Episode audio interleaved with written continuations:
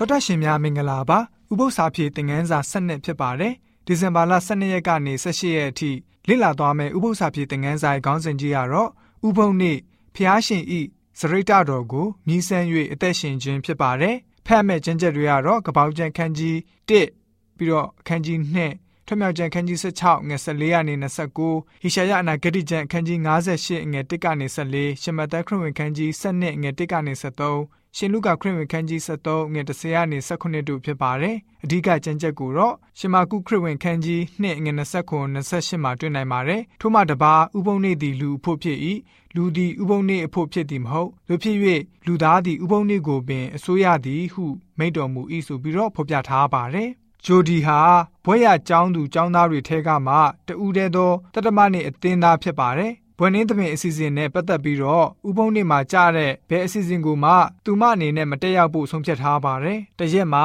သူမရဲ့တငယ်ချင်းဂေးလီကသူမကိုခေါ်ပါတယ်။ဂေးလီရဲ့ခင်မွန်းဟာ6ပတ်ကြာတဲ့အထိခီးထွက်ဖို့အလုပ်ရှိတဲ့အတွက်ကြောင့်လာမယ့်တောက်ကြနေ့ညတိုင်းမှာသူ့စီအလေလာဖို့ဂျူဒီကိုခေါ်လိုက်ပါတယ်။တောက်ကြနေ့ညမှာဂျူဒီဟာဘာအလုံးမှမလုပ်တဲ့အကြောင်းကိုလည်းဂေးလီကသိထားပြီးသားဖြစ်ပါတယ်။နောက်တောက်ကြည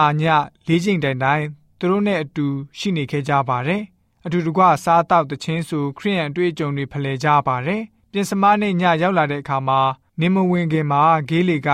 ဂျူဒီကိုဥပုပ်မဝင်ခင်ဝယ်စရာရှိတာတွေကိုဝယ်ယူပြီးဖြစ်တဲ့အကြောင်းဥပုပ်လည်းဝင်တော့မှဖြစ်တဲ့အကြောင်းပြောလာတဲ့အခါမှာဂျူဒီကလွန်ခဲ့တဲ့တောက်ကြနေ့တိုင်း၄ချိန်၄ညတိုင်တိုင်သူမတက်တဲ့ခံဝင်ငါခဲ့ပါတယ်။ခရိယန်အတွေ့အကြုံကြောင့်တငယ်ချင်းဂေးလီပြောင်းလဲသွားတဲ့အကြောင်းသတိပြုမိလိုက်ပါတယ်။ဂေးလီဟာဂျူဒီရဲ့ယုံကြည်ခြင်းအကြောင်းကြောင့်ပြောင်းလဲလာပါတယ်။ ဥပုံနေ့ဟာပညာရရှိဖို့နဲ့ကိုယ်စီတိုးတက်မှုရှိဖို့အခွင့်အရေးဖြစ်စေတဲ့နေ့တစ်နေ့ဖြစ်ပါတယ်။အလွန်စိတ်ဝင်စားဖွယ်ကောင်းတဲ့အကြောင်းတစ်ခုပဲဖြစ်ပါတယ်။ဥပုံနေ့မှာကျွန်တော်တို့ဘယ်လိုမျိုးနေထိုင်ပြောဆိုရမှာကိုဆင်ခြင်ခွင့်ရစေပါတယ်။နားနေုံတက်တက်အတွက်မဟုတ်ပါဘူး။အခြားသူကိုပညာပေးနိုင်တဲ့ရက်တရက်လည်းဖြစ်စေပါတယ်ဆိုပြီးတော့ဥပုံနေ့ဥပု္ပ္ပစာဖြစ်တဲ့ငန်းစာကဖော်ပြထားပါတယ်။